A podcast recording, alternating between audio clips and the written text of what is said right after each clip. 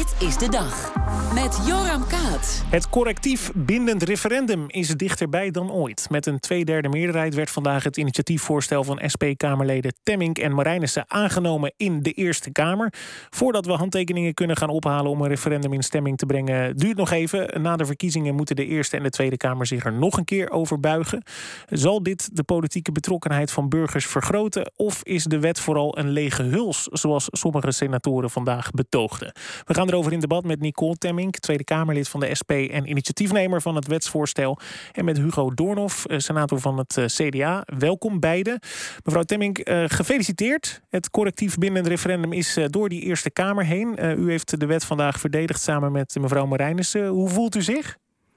Nou, het is hartstikke goed nieuws. Het is best wel een historische stap in een lange geschiedenis van het referendum. Was u verrast? Uh, nou ja, we hebben wel een beetje geteld natuurlijk, maar uh, het blijft altijd spannend met dit wetsvoorstel. Ja, kunt u even uitleggen wat het nou ook weer precies betekent? Correctief en bindend. Ja, een correctief bindend referendum betekent dat eerst het hele parlementaire proces moet worden doorlopen. Dus het gaat over wetten uh, die worden aangenomen door zowel de Eerste als Tweede Kamer. En op dat moment, uh, op het moment dat dat uh, wetsvoorstel is aangenomen, kunnen mensen verzoeken om daarover, over dat wetsvoorstel, een referendum te houden. En als er voldoende mensen zijn die zeggen we willen dit wetsvoorstel niet, dan wordt het wetsvoorstel ook ingetrokken. Ja, dan is het dus bindend, meneer Doornhoff. 2018 toen adviseerde commissie Remkes ook al een eh, correctief bindend referendum, zodat de burger aan de noodrem kan trekken. Toch heeft u tegengestemd. Waarom?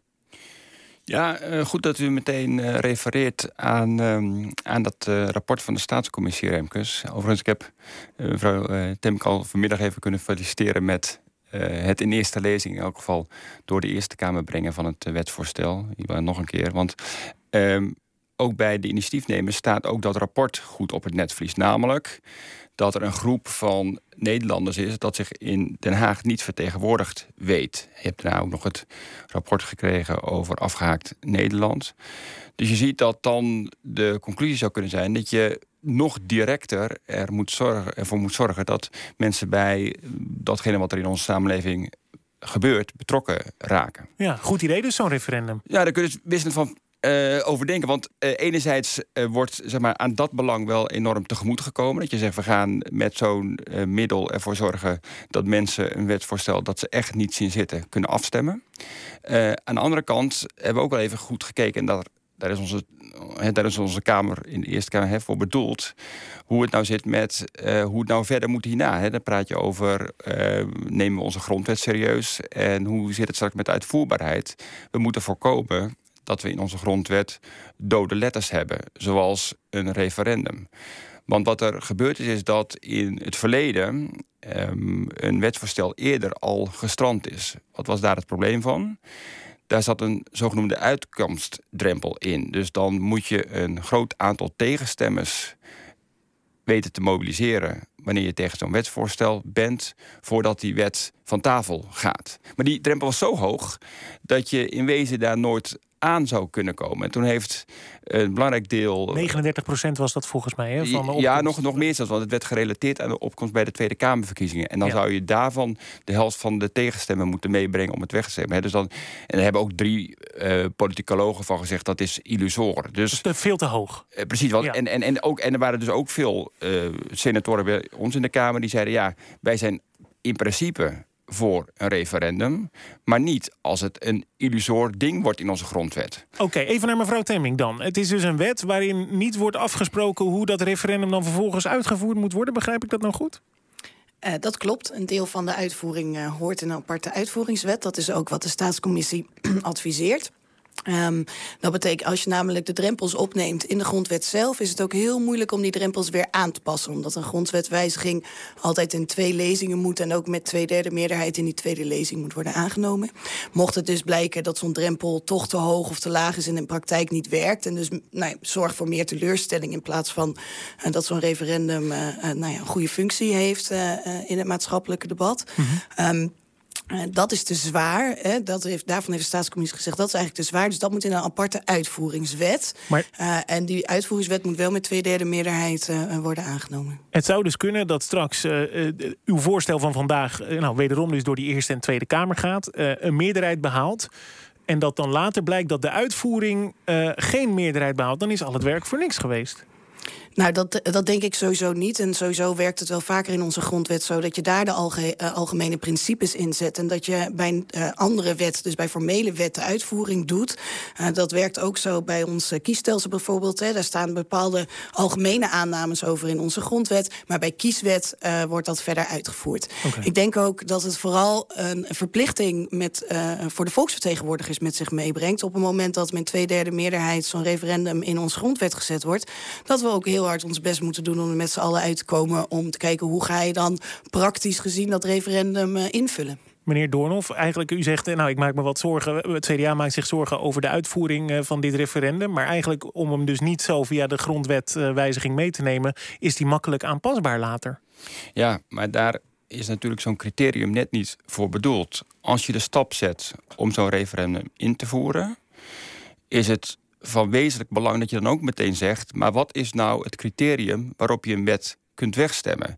de Raad van State die adviseert de wetgever altijd. Hè, die zei ook zo, ja, dit is zo'n cruciaal onderdeel van dit instrument. Dat kun je niet straks even gaan overlaten aan uitvoerende wetgeving. Overigens best wel interessant, omdat de BBB-fractie in de Kamer bij ons weliswaar ook voelde voor dat idee van een referendum.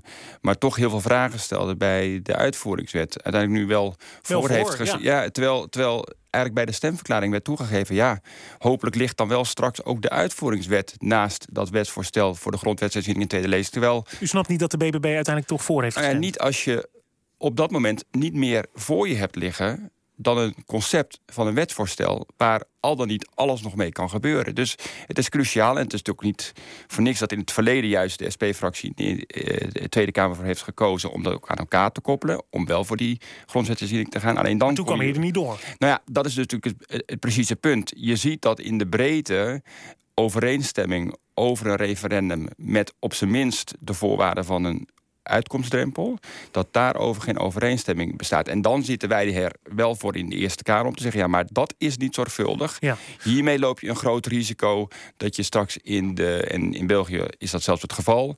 Dat je een groot risico hebt dat iedereen denkt: hé, hey, wacht eens, we hebben toch in, grond, in onze grondwet een referendummogelijkheid staat. Maar als die uitkomstdrempel dus benoemd was in deze wet, dan had u voorgestemd? Nou ja, de vorige keer heb ik met name uh, een groot probleem gemaakt van juist de hoogte van die uh, uitkom, uh, uitkomstdrempel. Als die nu lager was geweest?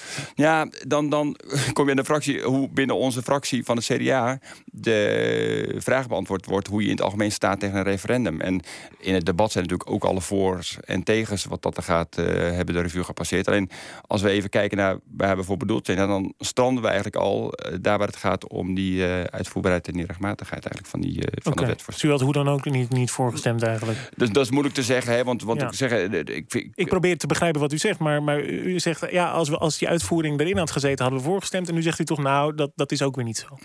Nee, als je, als je natuurlijk aan die, aan die vraag niet toekomt, hè, bijvoorbeeld, daar gaat misschien de staatscommissie Remkes wat aan voorbij. Hè. Wij zijn een land toch van compromissen. Dus, ja, dus u had sowieso niet voorgestemd. Oké. Mevrouw Temming, uh, de, de, tegenstanders zeggen ook, ja, desinformatie speelt een rol. Uh, bijvoorbeeld uh, GroenLinks P van de A, die, die, die heeft het daarover. Um, het zou natuurlijk kunnen dat burgers dadelijk foutief geïnformeerd zijn en dan een keuze maken bij zo'n referendum. Is dat iets waar u ook bang voor bent? Nou, ik denk dat we in het algemeen kunnen zeggen dat desinformatie een probleem is. Maar dat probleem speelt natuurlijk ook bij reguliere verkiezingen. En dan staat er, zou je kunnen zeggen, nog veel meer op het spel. Hè? Want dan maken we het besluit voor het hele beleid. Uh, tegelijkertijd kun je ook zeggen uh, dat bij desinformatie, als het gaat om een referendum, er een vrij afgebakend onderwerp ligt. En dat dus desinformatie ook sneller ontmaskerd kan worden. Hè, omdat je veel, uh, nou, de voorstanders en de tegenstanders elkaar natuurlijk ook vaker in het debat zien over vrij concrete punten. maar tegelijkertijd denk ik dat in het algemeen je kunt zeggen dat er meer aan desinformatie moet worden gedaan. Hè. En ja. dat gebeurt voor een deel ook. ook nu. Ik moet overigens nog wel iets, iets rechts uh, van zojuist. Wij, wij, hebben natuurlijk niet, uh, de SP heeft er niet voor gekozen om de uitkomstdrempel uh, in de wet op te nemen. Dat is er ingeamendeerd door de Tweede Kamer, door de ChristenUnie. En je ziet eigenlijk wel vaak bij partijen die eigenlijk tegen het referendum zijn, dat er een beetje gezocht wordt naar argumenten om nou ja, dan tegen te kunnen stemmen. Um, ik heb het idee dat dat hier toch ook een beetje zo is. Korte reactie, meneer Doornhoff, want we zijn bijna door de tijd. Zit u te zoeken naar argumenten? Nee, wij hebben naar eer en geweten onze taak vervuld, zou ik kunnen zeggen. Oké. In het verkiezingsprogramma van het CDA staat uh, overigens dat de partij tegen een correctief binnen Ja, er staat niets volgens mij. Er staat niks? Oké, okay, oké, okay, goed. Uh, mevrouw Temming, verwacht u veel uh, referenda de komende tijd? Nou, eerst moeten we nog maar eens de wet ook ja. door de Tweede Kamer zien te krijgen. En daarvoor zijn de verkiezingen natuurlijk belangrijk. Als ja. er dan een tweederde meerderheid U weet wel waar men op moet stemmen, dat snap ik. Dank voor dit gesprek, Nicole Temming, Tweede Kamerlid van de SP. En ook Hugo Doornhoff, senator van het CDA.